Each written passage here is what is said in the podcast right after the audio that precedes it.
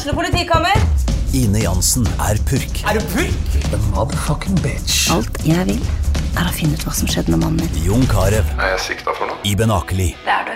Ole So, Lars Berrum og Big Daddy Karsten. Hvem sin side er du på, egentlig? Anette Hoff, Tone Danielsen, Kommer du fra Afrika? Jørnis Josef, Nesten. Kløfta. Trond Espen Seim, Det er synd å si det, men det var feil mann som døde. Purk. Premiere tirsdag på TV2 Play. Hei, og velkommen til en ny episode av Debrif med Dag Sørås. Litt selvpromotering eh, helt i starten. Til helga så kommer jeg til Rognan og Bodø. Rognan, eh, min, eh, min kjære svigermors eh, Om ikke fødested, så eh, hun var fra der i trakten. Um, og eh, ja, skal se på Slipen, Slipen scene på, på fredagskvelden der, og så er det Storsalen i Stormen dagen etterpå. Eh, Isalill skal eh, varme opp, så det blir jo eh, spanende. Jeg gleder meg nå inn i helvete. Det vil jo være ren løgn å si at jeg ikke gleder meg atskillig mer til Bodø enn til Rognan, men det åpner bare opp for at Rognan kan bli en, en positiv positiv overraskelse. Uansett, den helga blir blir nok knall. Og så, neste uke, Oslo. Det er ekstrashow på Rockefeller på torsdag klokka eh, Dørene åpner 21, og showet starter klokka 22, så jeg håper å se flest mulig av dere der. Det blir eh, siste, siste rangforestilling i hovedstaden. Og så um, dagen etter Oslo skal jeg til Vadsø og Kirkenes, og det, ja, det kan bli mørkt og fint. Det får vi ta når den tid, eh, kommer. Uh, men jeg, jeg, jeg virkelig innser nå at jeg, jeg, jeg ikke bare har ikke høsten noe sjarm lenger, men jeg tror faen ikke jeg har noe Jeg er ikke noe fan av sesonger lenger. Eh, jeg kan høre mange av dere tenke jo, men herregud, Dag, høsten er jo, det er jo mørkt og kjølig og depressivt og unnskyldning for å være inne. Jeg, vil ha det lyst og varmt og være ute. Det, den her tranga er sikkert pandemirelatert på et eller annet nivå, eller så kanskje jeg bare har nådd det neste naturlige evolusjonssteget, som er det, det nivået hvor man konkluderer med at det, det her er ikke noen måte å leve på. Det er mørkt og fuckings Ja, ja nei. Hva var det han er helvetes um, Munch Jeg har det på telefonen her, jeg tok bilde av avisa. Da, da føler du deg i blanding av eh, eh, moderne og jævlig gammel. Jeg brukte min smarttelefon til å ta et bilde fra ei eh, analog avis. Skal vi se, Hadde Munch levd i dag, ville han kjørt elbil, ifølge museet. Munch-museet har gjort lykke med sin Munch pluss. Eh, er det Munch eller Munch? Vel, jeg holder meg til Sonja og sier Munch. Munch pluss-serie, hvor bildet av Edvard Munch blir vist side om side med verkene til en kollega. I den foreløpig siste pareringa er gjesten imidlertid ikke en billedkunstner, men en elbil. Edvard Munch hadde stor interesse for tekniske nyvinninger, og jeg er ganske sikker på at hvis Munch hadde levd i dag, så hadde han nok erverva en Polestar. Jeg mener, tror å være museumsdirektør og måtte si noe sånt. Tro å være eh, ansatt i noe såpass kunstrelatert som Munch-museet, og så måtte uttale en ting som at hvis Munch hadde levd i dag, så hadde han kjørt en Polestar. Ikke en Tesla, han har ikke hatt privatsjåfør, han har ikke tatt en eh, eh, Yango rundt omkring. Nei, han har, selvfølgelig gått for en fuckings Polestar. Så det, er- det er tydeligvis et samarbeid da mellom, mellom en elbilprodusent. uh, det dreier seg om et langsiktig eh, samarbeid mellom to progressive merkevarer. Den ene altså et offentlig finansiert museum, og det andre en, en, eh, en, en fuckings elbil. Um, har ikke Munch noen etterlevninger som burde klikke nå over, eh, over denne jævla eh, fadesen? Er det, er det her noe sånn her borgerlig eh, det er, vel, det, det, ja, det er vel en av de tingene altså Jeg er så skeptisk som jeg kan være til offentlig finansiert kunst, så fremst ikke gjelder kompensasjonsordning på min turné, så er jeg veldig, om, om ikke enda mer skeptisk, den ideen med at museum må ut på det private markedet og finne seg sponsorer. Sponsorer som så fører til at en museumsdirektør helt seriøst må si at Munch ville kjørt denne spesifikke elbilen hvis han hadde levd i dag. Jeg mener, det tar jo faen meg hva ville Jesus gjort til et nytt nivå. man visste i hvert fall litt, litt om Jesus i etiske lære, så man, så man kan dra noen, noen, noen antagelser om hvordan, eh, hvordan Jesus ville oppført seg nå. Men akkurat Munch sitt syn på elbiler Jeg er ingen Munch-scholar, sjokkerende nok. Men jeg vet ikke om vi har nok historisk grunnlag til å si hvordan fuckings bil han ville kjøpt i 2021. Uansett. Uansett, jeg har vært på eh, Jeg har vært på tur i helga, og eh, det første jeg la merke til, var jo eh, Jeg har vært i Sunnmøre, og det, var, det første jeg la merke til, var ingen maske på flyene. Det er slutt på det. Jeg hadde fått en heads up på forhånd. Eh, jeg har ikke sett det stått noen plass, men noen jeg kjenner, jeg husker ikke helt, men fløy og bare sendte meg bilde. Og bare ingen maske på flyene. Uh, Alkoholserveringa er tilbake, og det er bemerkelsesverdig hvor fort jeg blir vant til normalen. Jeg har flydd en god del i pandemien, og nå var det bare som om det bare alltid hadde vært sånn her. Ingen maske, kan kjøpe deg en hvitvin om du føler for det. Jeg var på stappfull T-bane i dag, det føltes helt normalt, det var null jævla stress. Så, så enn så lenge. Her må man jo bare nyte til Delta pluss begynne å revkjøre eh, eh, ja, det at livet kommer tilbake til, en, til, til normal. Um, først og fremst det beste med Sunnmøre er jo Suma. Suma sushi. Altså Suma er en sushirestaurant i Ålesund som faen meg bare er Jeg og Steven var der begge dagene. Vi bodde begge dagene i, i Ålesund, for vi hadde show i Ålesund på fredag, og uh, Ulsteinvik Ja. Et minutts stillhet på lørdag. Og uh, ett minutts stillhet, for der var det faen meg 90 minutts stillhet. men, uh, men, uansett, så, vi, så jeg, jeg, var så, såpass, uh, såpass smart at jeg tenkte faen, altså På torsdagskvelden tenkte jeg jeg må faen meg gå inn og se om de hadde ledige bord. Og vi fikk sikra oss et bord på fredag, og så var det greit å finne seg et bord så tidligere på, på lørdags ettermiddag. Men det var så jævlig godt på fredag. Vi har vært der flere ganger før, og det er helt utsøkt. Men det var så jævlig godt denne gangen at jeg bare driver og gleder meg på lørdag. Jeg så bare venta på at vi skulle, skulle, tilbake dit. Og det, det, er lenge mellom de eh, kulinariske, kulinariske opplevelsene. Så det var jo helt, eh, helt strålende. For det første, terminalen i Ålesund, jeg har jo sagt det tidligere, men det er virkelig en av mine favorittplasser av show. Helt jævlig fortreffelig, det ble utsolgt, og eh, det, det, ja, det, det, var akkurat sånn som det akkurat sånn som det skulle være. Det var folk som svimte av på dass, det var illebefinnende, det var glassknusing, det var knuffing. Jeg mener, jeg, jeg håper det, gikk bra, fordi eh, det var Steven som fortalte meg at jeg av vakten sa at det hadde skjedd et eller annet.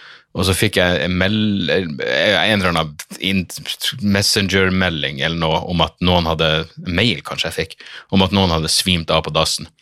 Uh, så jeg håper det, det ordna seg for den fyren. Det, var, det lå i hvert fall ingen på dass da jeg pissa der rett før jeg dro, men jeg så noen briller som lå under pissoaret. Så um, ja, jeg håper de eh, ender opp i de Hvis man Jeg vet da faen. Altså, briller er jo dyrt, men hvor lenge skal brillene ha ligget under og marinert i fyllepiss før du tenker at det går ikke an å gjøre de her reine?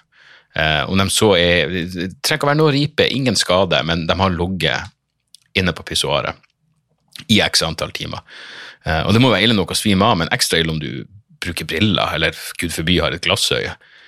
Men eh, nei, det var i hvert fall et jævlig gøy show. Det varte jo faen meg. Det varte. Det ble vel nesten to timer. Og eh, jeg husker jeg starta med Fordi jeg, jeg, prøvde jo Det var mulig å finne noe sånn jeg, jeg bare, Showet er jo for langt i utgangspunktet, men, men, selvfølgelig prøvde jeg å finne et eller annet lokalt jeg kunne åpne med. Så alt jeg fant i Sunnmørsposten, eller hva faen det heter, så virka interessant nok var en sak hvor det sto at eh, de hadde samla inn 4000 underskrifter til kampanjen Haram ut av Ålesund. Noe jeg selvfølgelig leste som Haram ut av Ålesund. Jeg tenkte, Hvordan har Haram etablert seg i fuckings Ålesund? Jeg gikk bare ut ifra det var en antimuslimsk greie, selvfølgelig. Så tenkte jeg 4000 underskrifter, det var noe jævlig mye. Så lettelsen var jo stor når jeg skjønte at Haram er ei eller annen øygruppe som alle kan klare seg uten. Så få dem ut av Ålesund. Ingen så ut til å ha noe problem med det. Det er, det er tydeligvis Sunnmøres blindtarm. Så Haram ut av Ålesund, tiltredes fra, fra, denne, fra, denne, fra, dette, fra mitt ståsted, eh, basert på null fuckings kunnskap, men en prinsipiell tilhenger av, eh, at folk søker eh, selvstendighet. Så var det også jævlig eh, gøy å Jeg, traff igjen traff jeg eh, et, for, foreldre og unger som var på showet mitt. I dette tilfellet mor og sønn. Eh, både mor og far og sønn, faktisk. Eh, selv om jeg tror faren hadde, var begrensa tilhenger av det jeg drev på med. Men mora og sønn digga det åpenbart. Og jeg vet da, jeg blir bare så jævla glad når jeg ser det. Um, ja, at, at foreldre Nei, ja, liksom at jeg vet, Det er jo selvfølgelig fordi Sander, ten, Sander er tenåring nå, og jeg skulle ønske at vi fant noe sånn felles greie som vi hadde lyst til å se. Men uh, det, var, det, var noe, det var noe deilig med med akkurat det. Så, men problemet var at de stengte jo, så jeg, jeg, showet mitt starta halv ti, og så holdt jeg vel på til halv tolv. Og så trodde jeg vi bare kunne henge der utover kvelden, men de stengte av en eller annen grunn klokka, klokka Terminalen stengte klokka tolv den dagen, av en eller annen merkelig grunn. Um, så jeg og Steven ja, det, det, er litt vage minner, for vi var faen meg Vi var på en snurr, begge to. Helvete, vi var i, vi var i storhumør. Så jeg og Steven stakk en eller annen plass. Vi snakka med flere jeg, jeg, klarer ikke helt å skille de to kveldene, fordi vi var på terminalen på lørdag òg. Men ok, jo, vi stakk derifra. Uh, for litt rundt omkring. Ja, vi for på én plass og drakk noe gin, og så var det så jævla høy musikk, og vi er begge for gamle til å sitte og rope og skrike til hverandre når det bare er oss. Det er ingen av oss er på fittejakt det, og skal sitte på en sånn her plass. Det, det er helt meningsløst. Og så dro vi på en annen plass hvor vi ble eh, hva man skal kalle det, indirekte fittejegere. Eh, vi kom på Synkhold, Synkholdet, tror jeg det heter. Eh, et eller annet sånn. En helt fortreffelig, særdeles brun pub rett i nærheten av hotellet der vi bodde. Så vi satt oss der, og på det her tidspunktet så var Steven atskillig fullere enn meg. Det var ganske gøy. Liksom når, når, jeg legger merke til at fy faen, Steven han er i storslag akkurat nå. Så Steven kjøpte noen drinker, og så satt det eh, ja, det her blir jo muligens litt eh, delikat, men det, det satt noen eh, eh kvinnemennesker på et, på et, annet bord, og de var, de var høylytte, og de var, de var, de, var svære også. De var så svære at de faktisk kunne vært fysisk truende. Men etter en stund så var det faen meg ei av dem som, eh, som kom bort, og her er det altså Hvordan skal man beskrive det her? Jeg vil anslå 165 kilo, for å liksom ikke overdrive. Skinnbukse. Eh, tettsittende topp.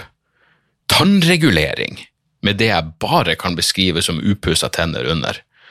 Og hun kom rett og slett og slo seg ned for å sjekke oss opp, virka det som. Det var ei venninne som kom, og hun så det, kanskje det var eh, tvillingsøstera, faen vet.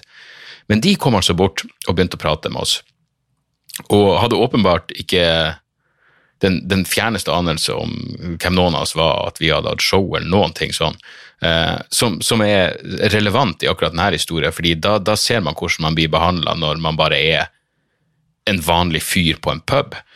For de prøvde å sjekke oss opp, Uh, eller prøvde å sjekke oss opp. Jo, de, de kom og satte seg ned i lag og så stypt inn i øynene og stilte personlige spørsmål.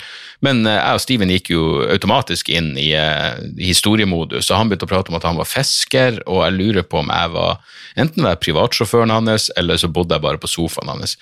Og jeg sa at jeg heter Rudolf, og da begynte hun faen meg å hetse navnet mitt. Hun begynte å hetse navnet Rudolf så hardt at jeg måtte forsvare denne fiktive, rent hypotetiske Rudolfen. Uh, og jeg, mitt minne er at de hadde så lite til overs for vår status eh, som, som, fisker og arbeidsledig eller eh, privatsjåfør. At de bare gikk på en ganske uhøflig måte. Det kan være det å svare også et par ganger i, når de stilte oss spørsmål og vi svarte, hvor det ble vel mye latter. Og Steven gikk inn i sånn, han har en sånn helt, Det er helt nydelig når Steven får latterkrampe, for da er det ingen vei tilbake. Da vet du at nå er det ti minutter med fuckings latterkrampe, og da må du bare henge med. Og da blir det meste av det du følger opp med, eh, gøy. Så det kan jo også være derfor at de gikk. Når jeg tenker meg om, så kan det være greia.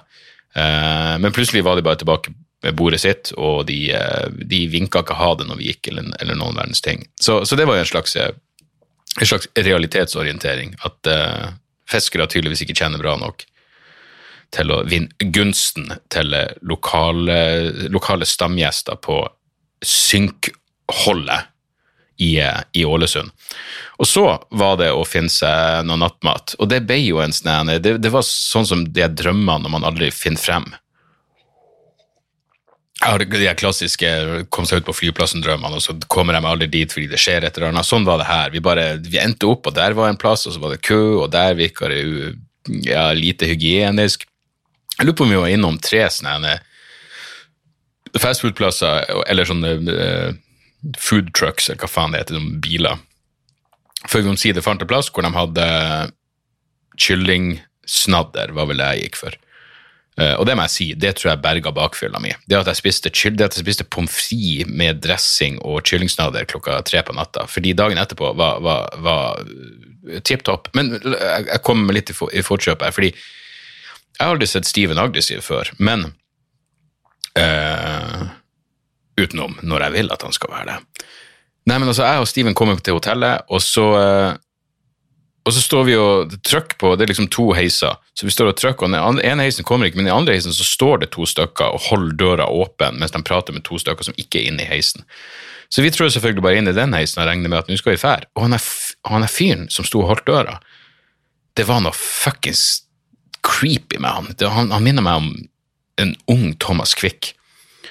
Og han sto og snakka engelsk til de folkene, og det, han var som en sånn jeg vet faen, telefonsele. Just give me two minutes, I'll explain. Just give me two minutes. Og jeg sier sånn, hei, kan du fuckings lukke igjen den jævla døra, eller gå ut av fuckings heisen? Ta de to minuttene mens vi tar heisen opp til vårt fuckings hotellrom.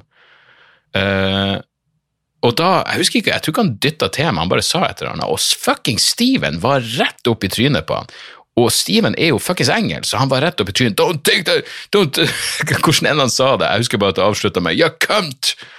Cunt! Rett opp i trynet på han. Jeg trodde det skulle bli en slåsskamp, så jeg brøt selvfølgelig inn for å stoppe det, og med det mener jeg jeg gikk bare ut av heisen, for jeg hadde lyst til å se det her. Hvis, hvis Steven skulle slåss i en heis, så ville ikke jeg være i heisen i lag med han, for jeg vet ikke hvordan han slåss. For alt jeg vet, så jeg tipper det, armene går alle veiene, jeg tipper han er spillende, jeg tipper han er brutal. Men uh, jeg fikk ærlig talt dratt han med ut og bare vært sånn Kom igjen, det her er for fuckings dumt. Vi tar den andre heisen.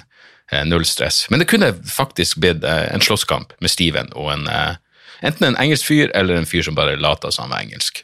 Og fy faen, hvis Steven hadde klinka han rett ned, så hadde det vært helt på sin plass. For uh, det er et eller annet med no, Hvis folk er fulle og annet, det er liksom én ting, men det er noe annet når folk uh, bare er sånn ah, Ja, ikke anerkjenn oss. Og bare, bare vent, bare, nei, bare slapp av. Nei, jeg skal ikke relax, relax. Jeg skal ikke fuckings relaxe, bitch. Jeg skal fuckings opp og spise kyllingsnadder, din kuk. Klokka er tre på natta. Drittlei. Men uansett, våkna opp dagen etterpå. Eh, overraskende bra form. Våkna vel i ellevetida. Eh, og alt føltes eh, relativt ok, så jeg bestemte meg for eh, å ta meg en joggetur. For jeg, jeg hadde jogga allerede på fredag. Men så tok jeg med Da hadde jeg allerede pakka, for jeg trodde ikke jeg kom til å gjøre det, så hadde jeg pakka de jævla joggeskoene. Så jeg hadde ting med meg. Og så, og så var jeg sånn Ja, ja, fuck. Jeg gikk inn på Strava, og så fant jeg ei sånn uh, rute på Jeg husker ikke, åtte, åtte kilometer eller noe sånt. Og så, så tenkte jeg ja, ok, det ser jo greit ut. For jeg, jeg vil bort fra folk, det er det som er det aller viktigste. Så jeg kler nå på meg, og så føler jeg meg litt sånn clean, for den joggebuksa var litt for trang. Jeg har nå lagt meg, jeg har sikkert lagt meg ut, gudene vet den, den, den, jeg, var, jeg, var, veldig ukomfortabel når jeg kom ned eh, i resepsjonen der og gikk ut. Og så prøvde jeg liksom å finne hvor, hvilken fuckings retninger jeg skal springe i for å komme bort fra folk, for vi var jo på Scandic Parken, vi er midt i, midt i sentrum. Um, så jeg gikk ned et par kvartal, og så tenkte jeg bare fuck it, jeg begynner å springe. Jeg, jeg, jeg tenkte, jeg, jeg springer bortover her, jeg ser på Google Maps at hvis jeg bare følger bortover her, så kommer jeg bort fra byen. Det, er ikke som om Ålesund er så jævla svær. Hvis jeg bare springer i ei retning, så er jeg jo ute av byen i løpet av relativt kort tid. Så jeg tenkte ok, jeg springer, jeg springer tre kilometer bortover der, og springer samme veien tilbake. Det blir seks kilometer. Det er innafor, når jeg tross alt var på ei relativt hard fylle. Eh, dagen før. Fordi når jeg sier at formen er tipp topp, liksom, jeg føler meg ikke fantastisk, jeg er fuckings bakfull, men uh, atskillig bedre form enn jeg hadde regna med i utgangspunktet. Men jeg begynte å springe, og i starten var det kleint, fordi jeg er jo fortsatt i byen, men fuck it, og etter hvert når jeg kommer inn i det, så gir jeg totalt faen.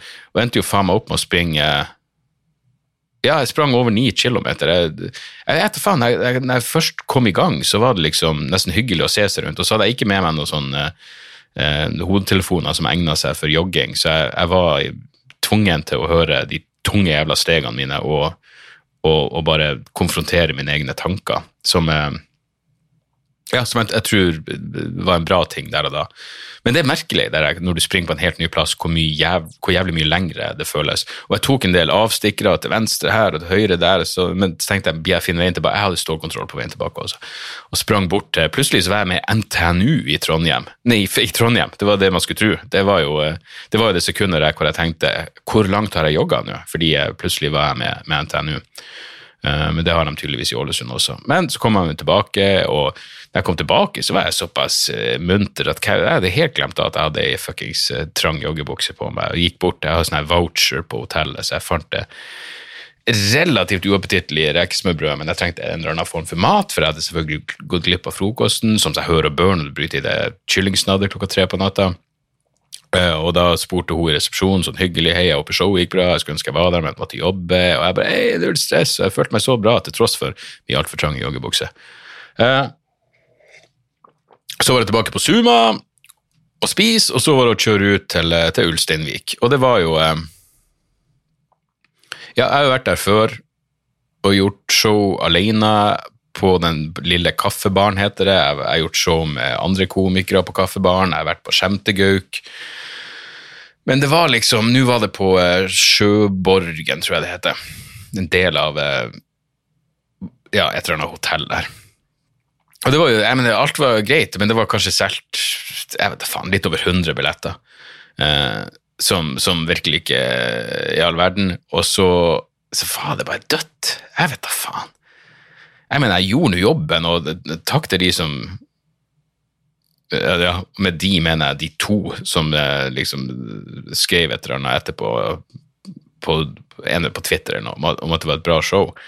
Jeg bare syns det var helt dødt. Og så var det i tillegg det at det blir noe når, du er, når det er såpass lite folk i en sånn stor sal, og så i tillegg så var det selvfølgelig noen som ruste seg og gikk. Uh, og det er jo vanligvis helt greit, men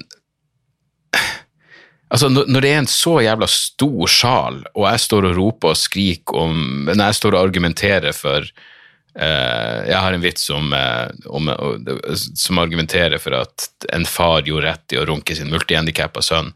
Når da fire kjerringer røyser seg og går midt i den vitsen, mens jeg står der og virkelig lever meg inn i det her og prøver å levere varene, så, så tenkte jeg bare sånn nå føler jeg meg bare dum. Jeg føler meg bare jævlig dum akkurat nå.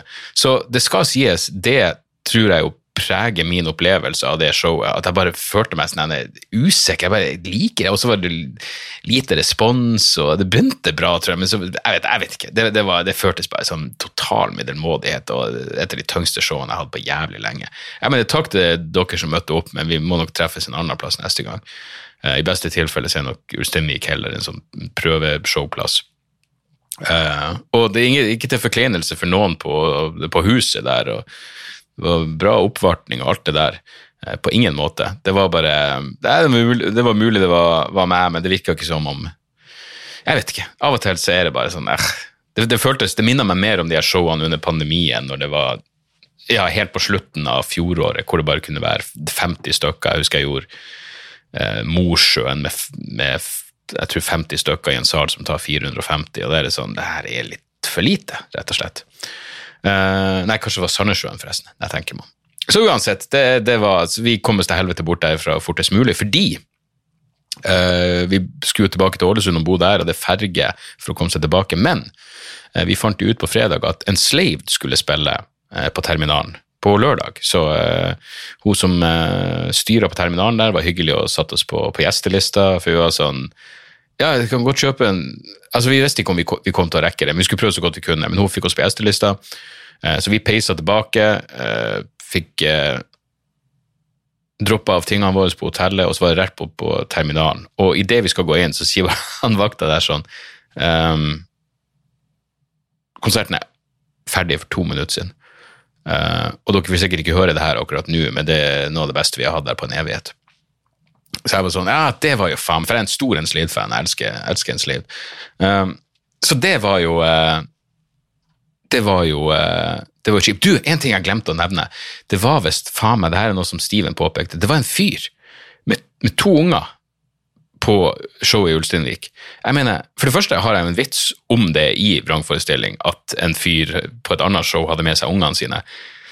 Men de ungene laga ingen Jeg mener, det, det showet jeg prater om i, i, eh, i vrangforestilling, var jo et klubbshow på Latter. men hvordan i faen, Hvor mye godteri må du proppe i to unger for å få dem til å sitte og høre på meg i 90 minutter? Og jeg ser jo hvis noen skjerm lyser seg opp, så de kan jo ikke ha sittet med noe iPad heller. Jeg mener, fuckings for så vidt velsigne faren som dro dem med. Altså, hvis du har så lyst til å se meg at du ikke får barnevakt, og da ikke bare kansellere, helvete heller, men da, da må vi treffes på en hyggeligere plass neste gang. Men, men, eh, ja, men uansett, eh, så vi kommer inn på terminalen, konserten er ferdig. Og han valgte å si at men vi må, jeg må advare om at nå går vi over til klubb. Og det skulle jo vise seg å være noe av det mest absurde faenskapet jeg noen gang har opplevd i hele mitt liv. For vi kommer inn, og det er jo ja, det er en slave-publikum. ikke sant? Det er jo metal-skjorte og tatovering og langt hår og alt det der. Jeg, treff, jeg og Steven treffer umiddelbart en, en eldre herremann, dritings, eh, som var der med sønnen sin. Og igjen, det her er blitt et gjennomgangstema. Jævlig hyggelig. Eh, far og sønn hadde vært og sett en slave. Og da hørtes det ut som Sånn som jeg forsto det, så var det at sønn vi vi kan gi en shout-out til bandet. Sønn spilte tromme i et band som heter Conspectus. Som eh, Jeg sjekka, et par av låtene deres, det var fett. Men eh, men i hvert fall, Han var veldig ung, men jeg, lurer på om han hadde dratt faren med. Men faren var tydeligvis også en metal-fan. Og etter som jeg forsto, så var det faren som hadde fått begge sønnene sine inn i metal. Men han hadde en sånn greie med at han hørte bare men ikke country. Ikke country. Og Hver gang jeg prøvde å nevne noen bra countryartister, så skulle han ta meg i handa, og når jeg tok han i handa, så dregde han meg inn til meg og var sånn Ikke country, ikke faen, ikke country. Selv Johnny Cash likte han ikke. Og så drev han hele tida og sa til sønnen Hva heter mora di igjen? Hva heter mora di igjen? Nei, han var en morsom fyr. Eh, koselig.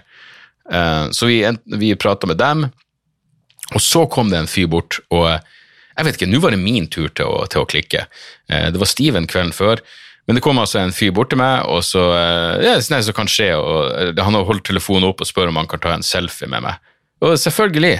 Og så, så ser jeg at han har Snapchat oppe, men det han da gjør er, og det her er sikkert en vanlig greie, men jeg er ikke så, så hipp og med på de her tingene, er at han, han, jeg står med siden av han, så skal han ta en selfie, og så trykker han heller video, og så slår han telefonen i panna mi.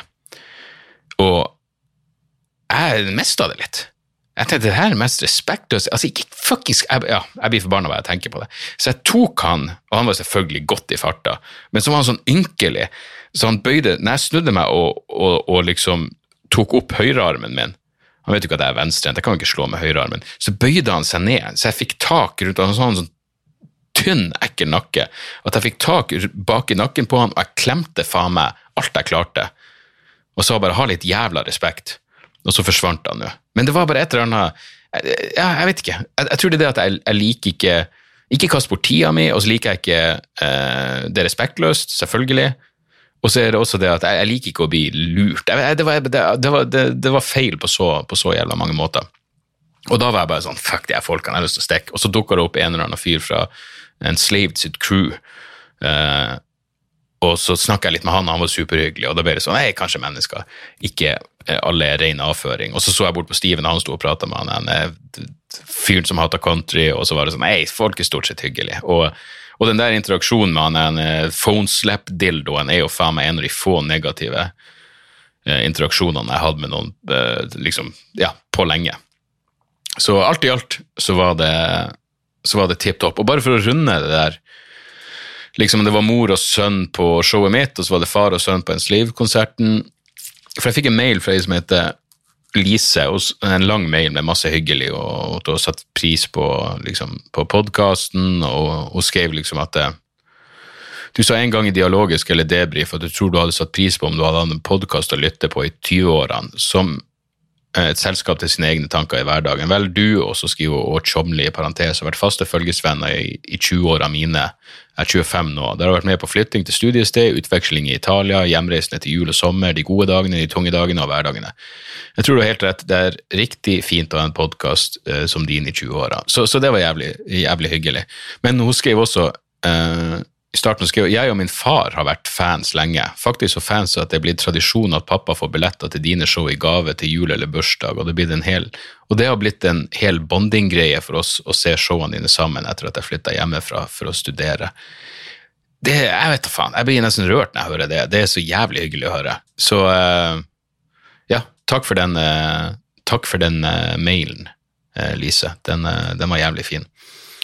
Så så uansett, ja, men her var, så, når vi kommer inn, da, som han vakta sa, så skulle vi gå, de skulle gå fra konsert til klubb. Og det her er den mest absurde overgangen jeg har sett. Og det burde jeg selvfølgelig ha nevnt før jeg nevnte han phoneslap-kuken, for han var, hadde selvfølgelig ikke vært på en Slave-konserten, han var en del av klubben. For det som da skjedde, var at de skifta konsept fra black metal til disko. Og plutselig så gikk det fra skinnvester og tatoveringer og folk som hater country, til skinny jeans og pologensere og folk som så ut som de var på audition til American Psycho. Det var altså en så jævlig absurd 180 grader. Uh, og fascinerende å bare stå i og oppleve etter hvert som metal-folkene gikk, og, de henne, og Wall Street-folkene rant inn, hva faen enn de var for noe.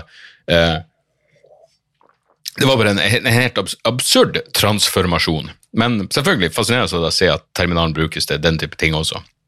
Hva enn som skal til for å få det gå rundt, og jeg, jeg elsker fortsatt den eh, jeg elsker fortsatt den plassen. Så, så det var, Og så var det jo Ja, etter det så Vi skulle opp jævlig tidlig dagen etterpå, så da var det tilbake til uh, fuckings uh, chillingsnadder. Uh, som er grunnen til at jeg må på en fuckings diett nå. For det igjen, bare igjen, for Nå tenkte jeg i hvert fall at ja, men det berga bakfylla mi, og jeg jogga, så kom igjen.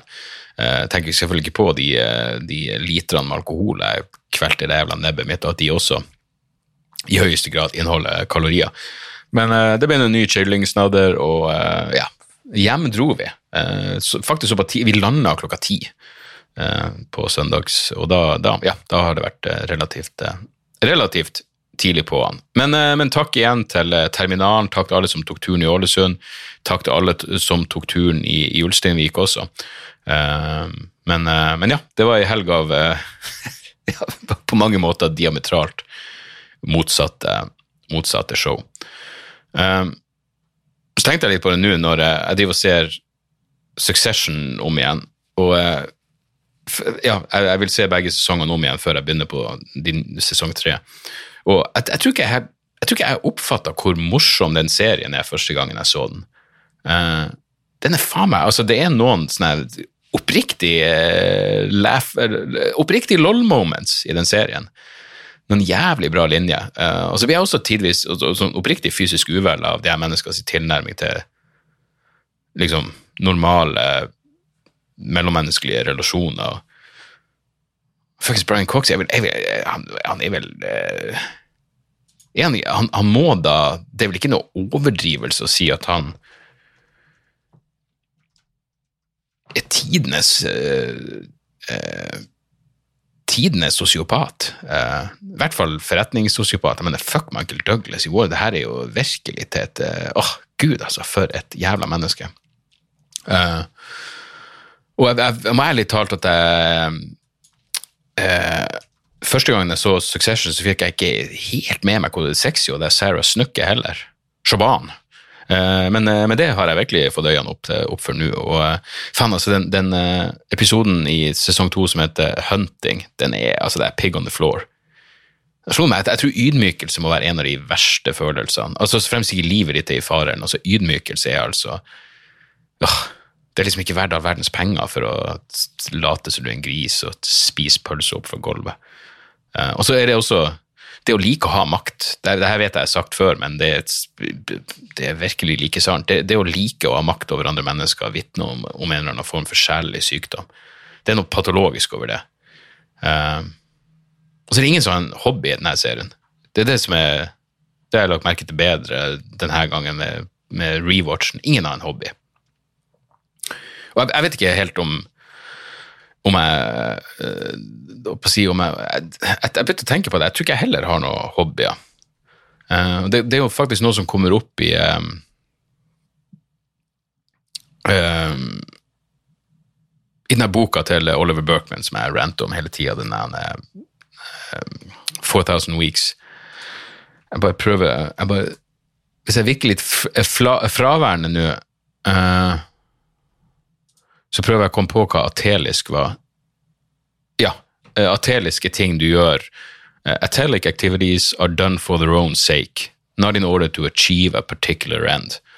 Um, som eksempel hvis du har en hobby som du bare liker å kødde med. Oliver Berkman nevner jo i boka at han har et sånn um, elektrisk piano som han liker å spille på. Han er sånn, han er ikke flink, og han har ingen mål om å bli flink. Han har ingen ambisjoner om å bli en god pianist, men han liker å gjøre det.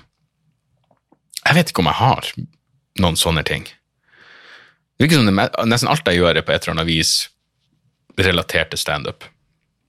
Men det er jo også bare fordi alt jeg gjør kan bli standup.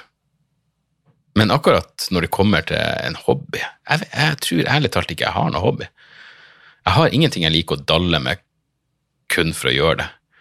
Da, da er vel i så fall jogginga sykt nok det nærmeste jeg kommer en hobby, og det er jo det tristeste jeg har sagt i hele mitt liv. Men jeg har masse interesser, masse å, å gjøre, men jeg vet ikke om noen av dem er, er atelisk, egentlig. Um, men ja. Ja, det er jo tydeligvis noe å tenke på. Uh, du, vi dra, hadde jeg noe? Jo, du, jeg ville prate litt om, eh, om Taliban, for det var en, eh, en artikkel om, om dem i, i Klassekampen, og så var det, eller nei, i Aftenposten. Og så var det at de, er- det viser seg nå at det, det, det, det, rettssystemet deres er ganske, ganske reaksjonært. Aftenposten hadde vel fulgt flere rettssaker i forskjellige deler av Afghanistan. Og da sto det om det som, heter, som jeg ikke hadde hørt om før, tror jeg, som heter hudud-regler. Eh, Dette er overskredelser av Guds regler.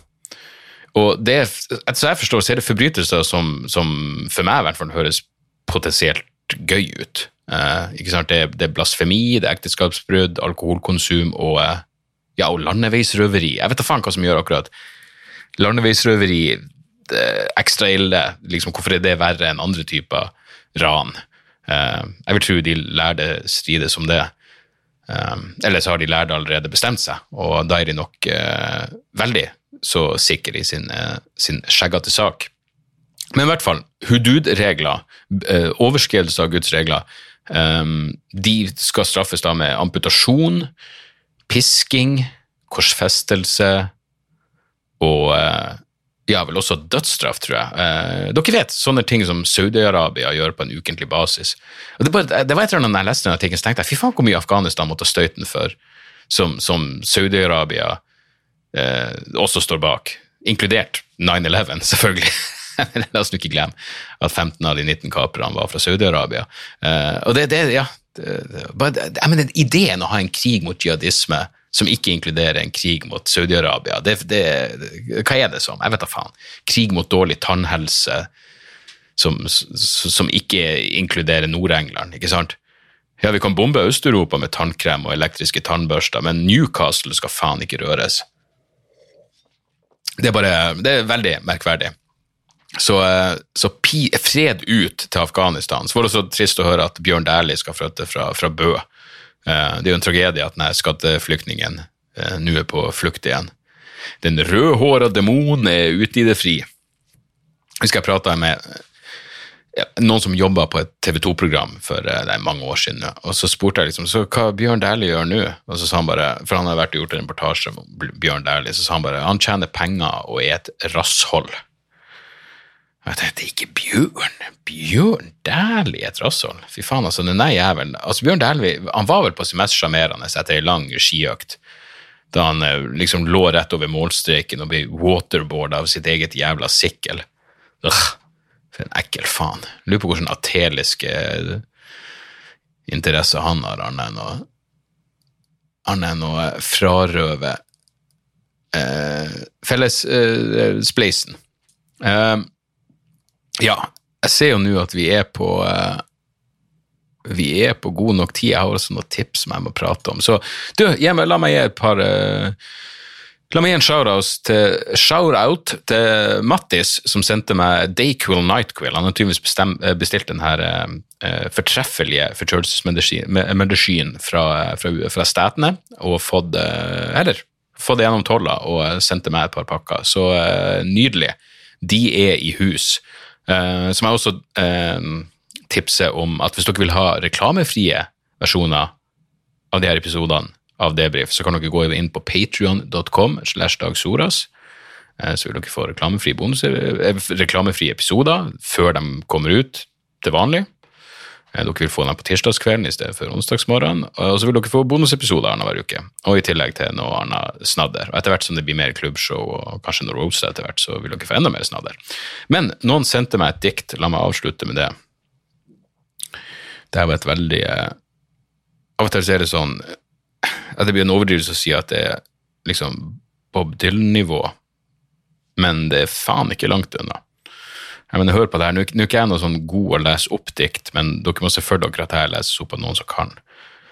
Når alle som har sett sine egne demoner, demoners såreste skrik, ser sammen mot de sanne demoners fasade av løgn, viker ikke blikket en tomme, og de tomme blikkene uten noe omsorgsempati av frykt og underkastelse trenger seg inn i kulden, kjemisk fri for redsel, og det ukjente lyset de sender ut, slukner den siste kyniske brist, når demonenes nederlag vises for alle, og årtuseners hegemoni rakner og begynner å falle. Det var John Nei, det var eh, Svein Østvik. Charter-Svein. Jeg tør ikke spekulere i hva han refererer til her, men jeg har en viss anelse. Tenk at han var så poetisk. Ikke rart han er en sånn sjarmør. Visste jo ikke at han hadde ei så følsom side. Uansett, et par tips på slutten. Og det er rett og slett for mange bra musikktips denne uka, så jeg tar resten på Patreon-episoden som kommer på fredag. Men nå har det seg sånn at de siste fire-fem ukene så har jeg vært så heldig å få hørt på den nye Mastodon-skiva som heter Hørsten Grim, som eh, slippes på fredag. Og det er faen meg Det er ei plate, eller plate i flertall, for så vidt. Det er et dobbeltalbum. Um, altså, det her er jo uh, et slags konseptalbum igjen. Uh, altså sånn at deres Mastodons, som vel er kanskje mitt favorittband, uh, de er i hvert fall uh, topp to. Deres bestevenn og manager Nick John døde i, eh, i 2018. Uh, døde av kreft hjemme i Los Angeles. Og etter jeg forstår, så var bandet der da han uh, sovna inn og, og uh, vandra videre. Og, og tittelen Hurston Grim er, er tatt fra, fra filmklassikeren Tatt av vind. Uh, men han eh, trommisen, Brand Daler, han har sagt at Hurston Grim er ei humørstemning, og det merker man faen meg på, på skiva. For Altså som, som crap, crap, Både Crack the Sky, The Hunter og Emperor of Sand handler jo om død og savn, og det gjør denne skiva òg. Det var for så vidt også tema på Remission og Once More Around the Sun. Jeg så en i Mastodon som sa at det er tydeligvis sånn at noen må dø for at vi skal lage ei plate. Men denne skiva da handler om, eh, om bestevenn og manager Nick, og den, det som er så eh, jævlig bra, det, det er liksom, den, den er trist uten å være sentimental. Det er nesten det er nesten sorg som noe Som noe eh, Jeg vet da faen. Livsbekreftende. Uh, og den, den første uh, Den første singelen som, som, kom ut fra, fra denne skiva, 'Pushing the Tides', det er kanskje den mest sånn konvensjon, konvensjonelle Mastodon-låten på denne skiva. så det, det var egentlig kult at det var første singel, men jeg føler også at det muligens ga litt sånn misvisende indikasjon på hva plata skal handle om. For det her er faen meg Jeg vet ikke, det, det er noe uh, det, det, er en, det, er en nytelse fra begynnelse til slutt. Uh, du blir så jævla sugd inn i det. Det er noe hypnotisk og meditativt med hele opplevelsen. Uh, og Man må også understreke at det her er et dobbeltalbum. Det, det, det, er nesten 90 minutter, nesten 1 12 time med, med musikk. Um, og jeg tenker jo at den Teardrinker, den, um, uh, den andre uh, den andre singelen som kom det, Faen, for en fantastisk låt. Virkelig en av de beste Mastodon-låtene noen gang. Den er mer uh, representativ, føler jeg, for, for hvordan ja, resten av de alle de her låtene er Du har noe som er Dagger, som er ulikt noe de har gjort før. Du har The Master, som er, er solo av um, country-bluesgitaristen Marcus King. Eh, hvorfor sier jeg The Master? Det, det, er en, eh, eh, Låten heter The Beast, og der er det en solo av, eh, av Marcus King som er helt konge. Um, ja, nei, jeg vet da faen. Det, det er bare uh, jeg mener, Mastodon er faen meg genuine kunstnere, og det her er nok et uh, mesterverk i eh, en allerede svært imponerende katalog. Jeg så at Bill Keller, han eh, ene gitaristen, sa at eh, Jeg skrev til og med ned sitatet, skal vi se. Han sa When fans reach for Mastodon, they're reaching for the medicine. Og eh, ja, da er det faen meg bare å fylle opp medisinskapet eh, og sjekke, sjekke ut uh, Hurston Grim når den kommer ut på, uh, på fredag. De har faen meg holdt på i 21 år nå, og de er bedre enn noen gang. Uh, og eh, ja, uten noen form for sammenligning, så så har jeg snart gjort standup i 20 år, og da er det inspirerende å se at noen er på toppen av sitt jævla game 21 år inn i, eh, i karrieren. Så eh, helvete for et band Mastodon er. Eh, og så et lite boktips. Jeg vil anbefale boka Dark Persuasion, A History of Brainwashing from Pavlov to Social Media av Joel E. Dimsdale, som er en psykiatriprofessor ved Universitetet i California, San Diego. Og Pavlov altså Historie om hjernevasking fra Pavlov til sosiale medier. Pavlov er jo eh, ja, hva han var russisk fysiolog, det, det, det eksperimentet med Pavlovs hund. Eh, For første, hvis- du googler Ivan Pavlov, så han så ut som en blanding av Charles Darwin og Albert Fish, han er seriemorderen. Um, men han hadde jo eksperimentet med Pavlovs hund på 1890-tallet, som liksom handler, om det som kalles klassisk betinging. Altså, det han, liksom, han fant ut at hei, hunder produserer spytt når de får mat i munnen, men så, så skjønte han at også andre ting kan utløse den responsen, inkludert skrittene til personen som kommer for å gi hund mat, eller ei bjelle som signaliserer mating. Så du skaper liksom eh, lært betinga respons. Eh, men det, det er en jævlig bra bok, eh, og en god innføring i hjernevasking, som, som fortsatt liksom er et sånn kontroversielt begrep eh, i, i, i psykologien og psykiatrien. Og det er liksom om alt fra eh, bruk av eh, narkotiske stoffer for å, eh, for å hjernevaske og avhøre eh, i, i en militær kontekst, liksom i Koreakrigen. Um, du har CIA, selvfølgelig, MK Ultra. Du, uh, han prater om Stockholm-syndrom, jævlig interessant kapittel, og uh, kapittel om eh, Patricia Hearst, som ble, som ble kidnappa av ei terrorgruppe, og så ble hun en del av den terrorgruppa. Han prater om Jim Jones, Heaven's Gate. Så hvis du er interessert i psykologi generelt, men særlig da hjernevasking og overtaling, så, um, så er det her absolutt ei bok som er, som er verdt å, eh, å få med seg. Og Jolly West dukker opp her også, selvfølgelig, som han gjør i boka Chaos om Charles Manson og den Sidney Gottlieb-biografien. Så uh, Ja, som han skriver en plass, han nevner Clockwork Orange, at den filmen freaka folk ut da den kom ut i eh, når var det, 71 eller noe sånt. Men da, da skriver han noe sånt som at når pavlovisk overtaling møter moderne nevrovitenskap, så kan resultatet bli, eh, bli, bli jævlig mørkt. Og så er det også liksom at vitenskapen går alltid fremover, men det, det er håpløst naivt å tro at medisinsk etikk skal være en hindring liksom for, å, for at vi tar eh, og går nedover noen mørke stier når det kommer til hjernevasking. Eh, og da trenger man ikke se lenger enn hvor ivrige mange amerikanske psykologer var på å være med eh, i eh, ren tortur etter eh, 11. september. Så det er noe med gruppementalitet og konformitetspress og sånne ting. Det eneste jeg henger meg litt opp i som var negativt i boka, er at han ser f.eks. ut til å ta Milgram-eksperimentet som om det ikke er delvis debunka, og det er jeg ganske sikker på det. Uh, Milgram er jo det klassiske eh, det klassiske eksperimentet hvor folk uh, tror at de gir elektrisk støt opp til dødelig mengde til, til en forsøksperson. Men jeg er ganske sikker på at det på samme måte som det er en eh, eh, Phyllis Bardo eh, Hva faen var det den heter? Fuckings Stanford Prison Experiment. Eh, det har jo blitt eh, ja, seriøst uh, debunka i, i senere tid. Og jeg tror en del av greia med det Milgram-eksperimentet var at antagelsen er at en del folk så skjønte at det her bare var fake. Eh, og at de derfor eh, var villige til å gå med på å gi folk eh, dødelige mengder støt. Uansett, boka er veldig fin og kan absolutt anbefales. Dark Persuasion. Så der, det var, det var ukas episode.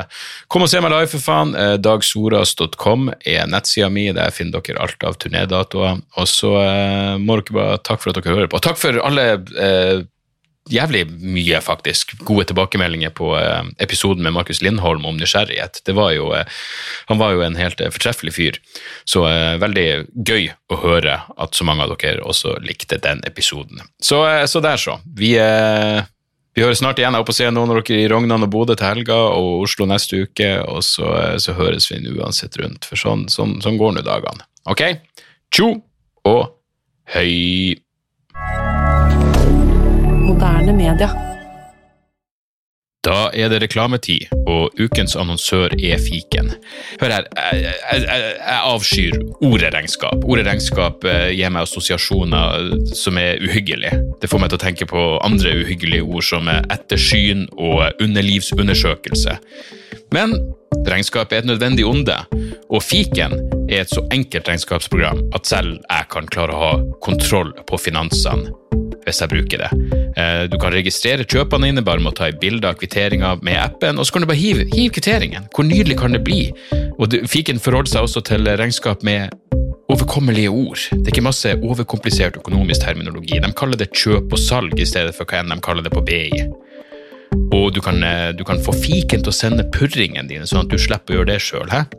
Slipper du de der flaue øyeblikkene hvor du må skrive 'unnskyld meg, men det står noe utestående her, kan du fikse det fortest mulig', må jeg sende, må sende mafiaen etter deg? Nei, fiken fikser det så kan du skylde på algoritmene. Du slipper dårlig stemning. Jeg syns det er utrolig greit å slippe å styre med sånne ting sjøl, og nå kan du prøve fiken gratis i 30 dager. Hva, hva har du å tape? Bokstavelig talt ingen verdens ting. Så gå inn på fiken.no og prøv fiken gratis i 30 dager. Ok? Det var det så vanskelig.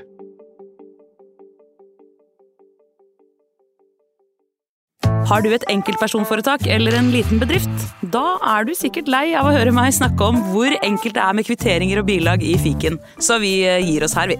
Fordi vi liker enkelt. Fiken superenkelt regnskap.